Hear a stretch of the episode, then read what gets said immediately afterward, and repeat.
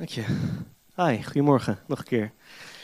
Ik vond het al een beetje gek om in één dienst twee dingen te doen. Dus daarom had ik uh, met Bram even overlegd van misschien kunnen we het ook even iets anders doen. En uh, nou, sowieso met Erik Jan erbij, wat heel leuk is. Maar ook uh, ga ik niet heel lang spreken. Maar de, ja, het, het, leek een leuk idee dat ik wat over aanbidding zou vertellen. En om dan daarna ook wat daarmee te doen. Dus dat gaan we doen. Dus, de afspraak is 20 minuten max. Daar mag je me aan houden.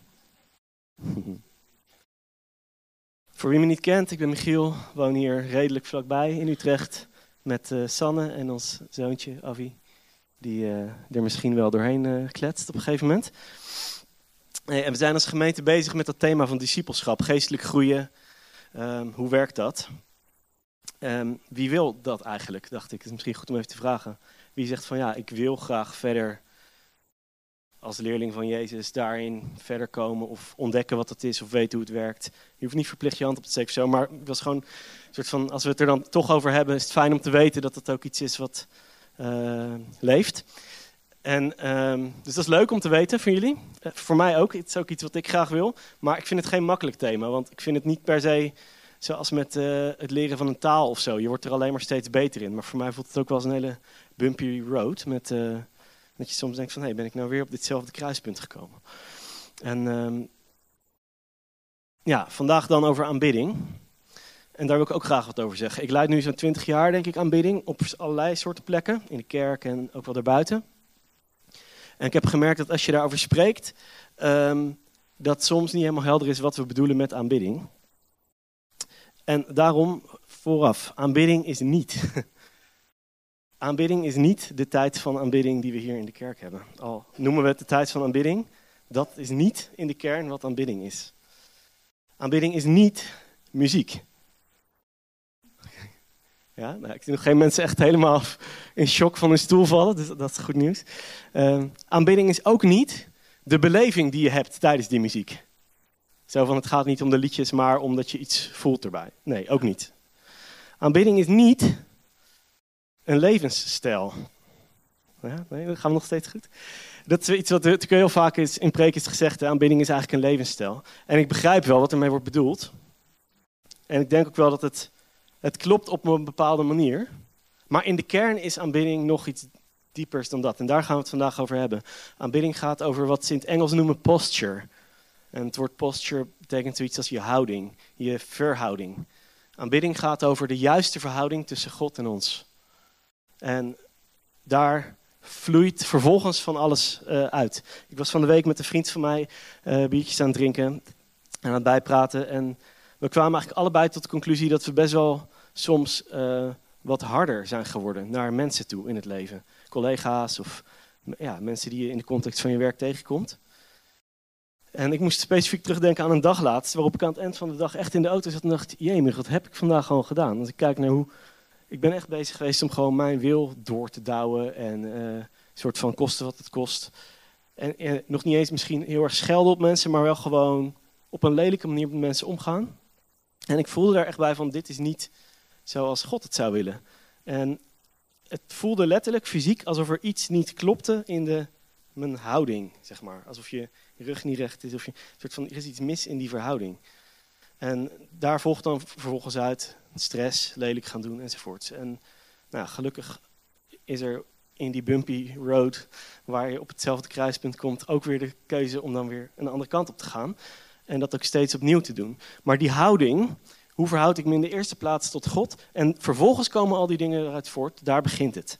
En wat ik geloof is dat vandaag God ons terugroept naar een juiste verhouding met Hem. Dat doet hij denk ik elke dag, niet alleen vandaag, ook morgen, ook gisteren, maar ook vandaag. En daarom hebben we het er vandaag over. Dus we gaan lezen uit Johannes, hoofdstuk 4. Het was al aangekondigd in de sway die jullie misschien hebben gekregen van, door Bram, gestuurd van de week. Hebben sommige mensen het verhaal al gelezen in voorbereiding op vandaag?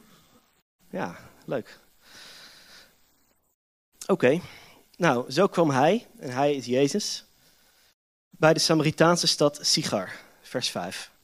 Dicht bij het stuk grond dat Jacob aan zijn zoon Jozef gegeven had, waar ook de Jacobse bron is.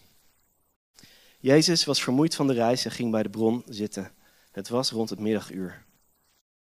Toen kwam er een Samaritaanse vrouw water putten. Jezus zei tegen haar: Geef me wat te drinken. Zijn leerlingen waren namelijk naar de stad gegaan om eten te kopen. Anders had hij het waarschijnlijk aan hen gevraagd. Dat is mijn toevoeging.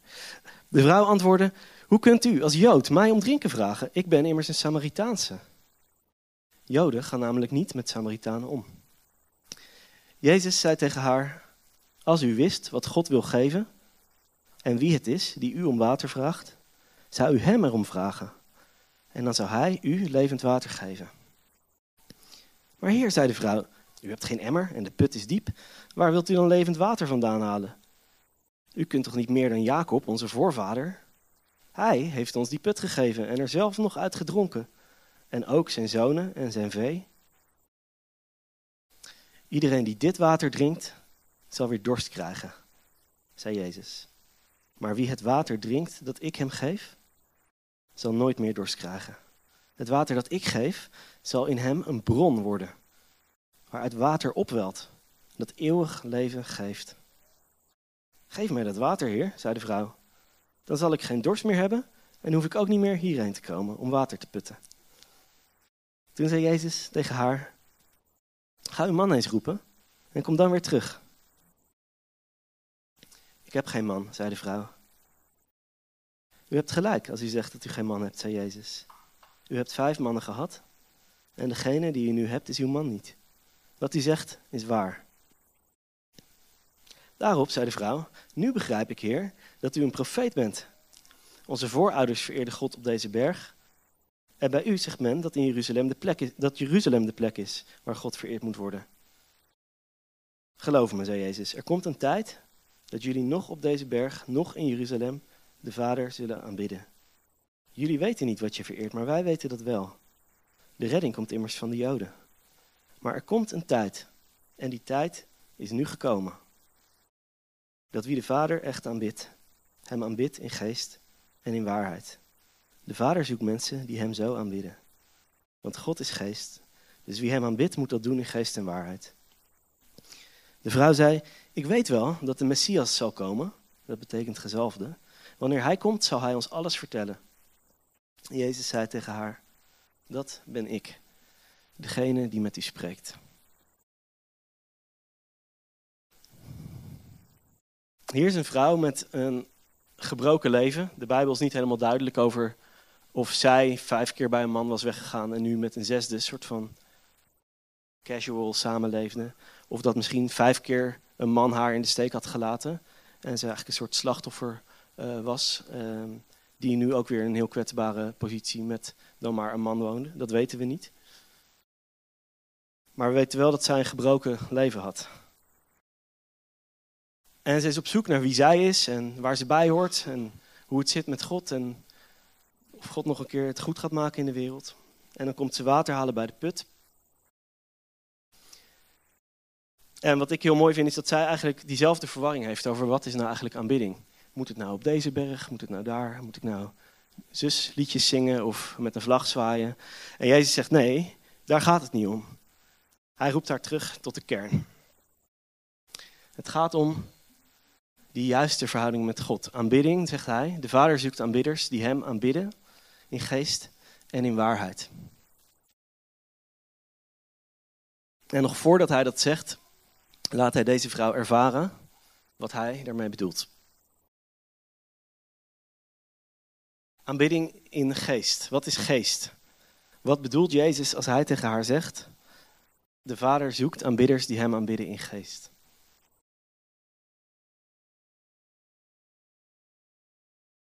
Wat ik denk, wat, wat ik in ieder geval zeker weet, is dat uh, Jezus bedoelt dat God heel graag zijn geest wil geven. En wat hij daarvoor in het gesprek met haar, wat er eigenlijk is gebeurd, is dat zij daar kwam en hij vroeg om water. Zij is soort van op het verkeerde been gezet. U hebt geen emmer. Uh, of uh, hoezo vraagt u mij om water? Hè? Joden en Samaritanen hebben toch geen contact? En dan zegt hij, weet je, als je wist wie ik was, dan zou je mij om water vragen. En dan vindt hij het al helemaal raar, want u hebt geen emmer. En dan zegt hij, nee, maar het water wat ik geef is ook een ander soort water. En daar verwijst hij natuurlijk eigenlijk al naar de belofte van de Heilige Geest. Hij zegt, het water wat ik geef wordt in jou tot een bron die opwelt tot eeuwig leven. Met andere woorden, God wil jou iets geven van binnen wat niet opraakt. Als het gaat over de juiste verhouding tussen God en ons, dan is dat dat. Weet je, soms denk ik, het verschil tussen God en mij is vooral, ik ben klein en hij is heel erg groot. Of ik denk, ik ben zwak en beperkt, ik weet niet alles en hij weet wel alles en hij is oneindig sterk. Maar dat zijn eigenlijk maar details. Het echte fundamentele verschil tussen God en ons, en wat ook de verhouding bepaalt tussen God en ons, is dat Hij geest is. Hij is de schepper geest, de scheppende God die alles heeft gemaakt. En ik ben een schepsel van die God. Dat gaat nooit veranderen. Matt Redman zegt in een liedje: We are breathing the breath that you gave us to breathe. Met andere woorden, elke adem die we ademen en de woorden die we daarmee zingen en zeggen en alles wat we doen, uiteindelijk hebben we dat allemaal eerst van Hem gekregen. Het is net als een kind die graag voor zijn vader of moeder een cadeautje wil kopen voor de verjaardag. En dan naar de vader toe gaat, mag ik misschien een paar euro, want ik wil graag een cadeautje voor je kopen. Snap je? We hebben in essentie hebben we niks te geven aan God. We zijn afhankelijk. Net zoals Adam en Eva, die eerste adem, die eerste echte levensadem, ingeademd werd door God zelf. En ze daarna pas konden leven. En daarna dus ook pas Hem konden aanbidden. Zo zijn wij als kinderen gewoon volledig afhankelijk van God. En het goede nieuws is, Hij wil het ook geven. Het kan ook niet op een andere manier. Het gaat nooit veranderen, die verhouding. En dat is misschien frustrerend, want het klinkt een beetje zwak. Zo van, oh, dan zijn wij afhankelijk. En liefst zou ik het heel graag zelf willen doen. Het liefst zou ik willen weten, oh, ik moet naar die berg en dan moet ik die, op die manier aanbidden en dan ben ik het goed aan het doen en misschien mag ik er dan bij. Zoals die vrouw misschien wel dacht. Ehm, en voor een ieder van ons eh, op een eigen manier. Maar het is niet zwak om afhankelijk te zijn van God. Het is de enige manier. En dat is goed nieuws. Het is juist heel sterk. En het mooie is, we kunnen nu niet helemaal het verhaal doorlezen, maar deze vrouw, nadat dit gebeurd is, gaat terug naar haar dorp. En ze vertelt aan alle mensen in het dorp: er is iemand die alles over mij weet. En in de Jezus besluit daar nog een paar dagen te blijven. En in die tijd is er een soort. Iedereen in dat dorp komt tot geloof in, in Jezus.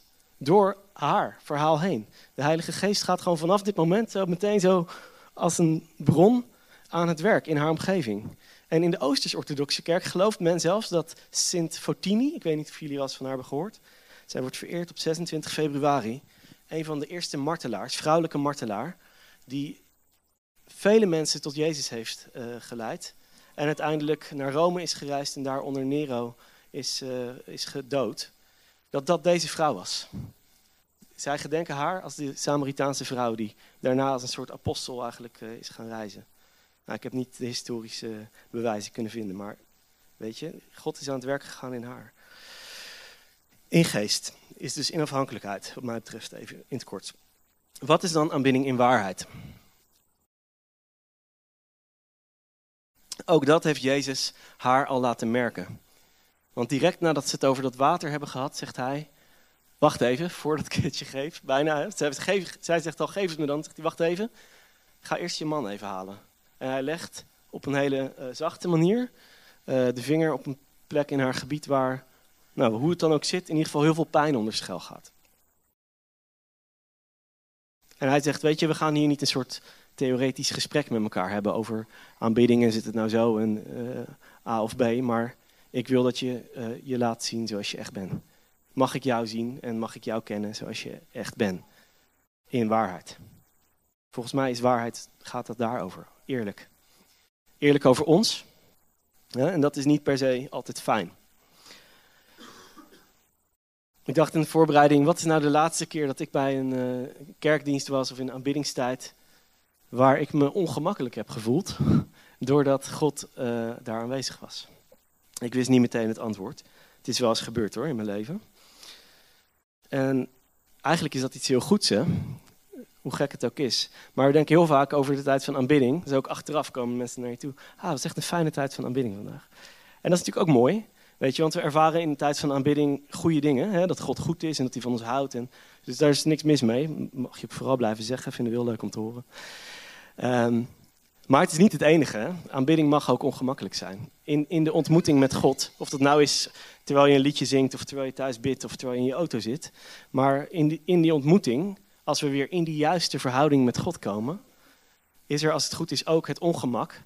Waar wij onszelf soms willen verbergen of doen alsof het allemaal wel er mooi uitziet. En God zegt, nee, maar ik wil je zien zoals je echt bent.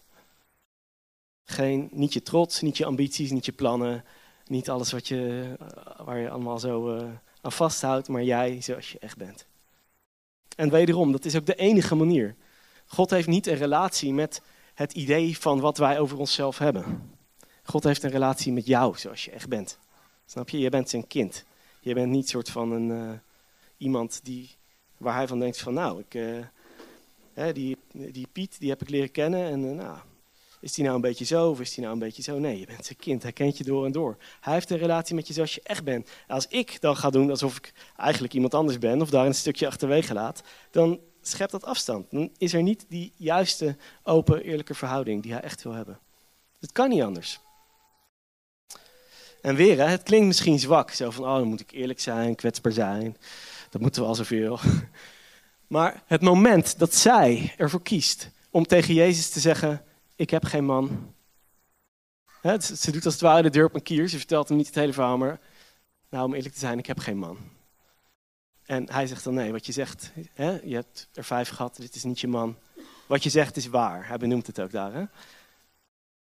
Twee zinnen later is zij een van de eerste mensen op de aardbol die zegt: Heer, er zou toch een messias komen? En dat hij zegt: Dat ben ik die met jou spreekt. Er zijn bijna geen momenten in de Evangelie waar Jezus zo letterlijk tegen iemand zegt: hè, Ik ben degene waarover in de schriften het al die tijd al gaat. Hier ben ik, ik laat me aan jou zien. Er zit nog vaak een soort geheim ook een beetje omheen in, de in zijn tijd op aarde. En hier zegt hij het gewoon zo recht tegen haar. Bam. Dus in antwoord op haar eerlijkheid, dat zij zich echt laat zien, zegt kan Jezus in één keer zo zich ook echt laten zien voor wie hij is. Weet je, hoe graag zou, of hoe gaaf zou het zijn als we meer kunnen zien van wie hij echt is. En een sleutel lijkt hier te zijn om zelf ook te beginnen met gewoon maar eerlijk zijn wie we zijn. Niet mooier, niet meer, niet gewoon zoals het is.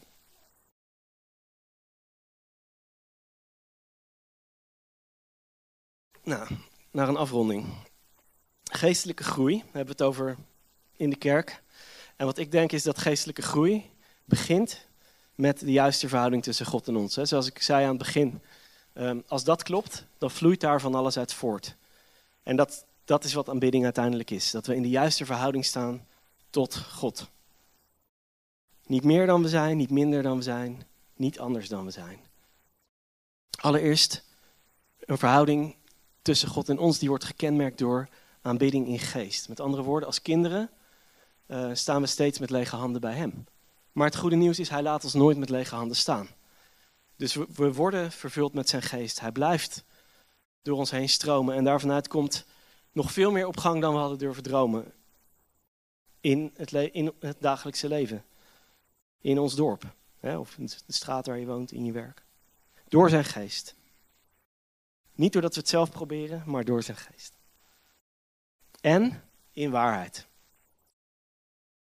Met andere woorden, zonder pretenties, zonder maskers. Eerlijk zoals wij zijn en dan ook eerlijk Hem kunnen zien zoals Hij is.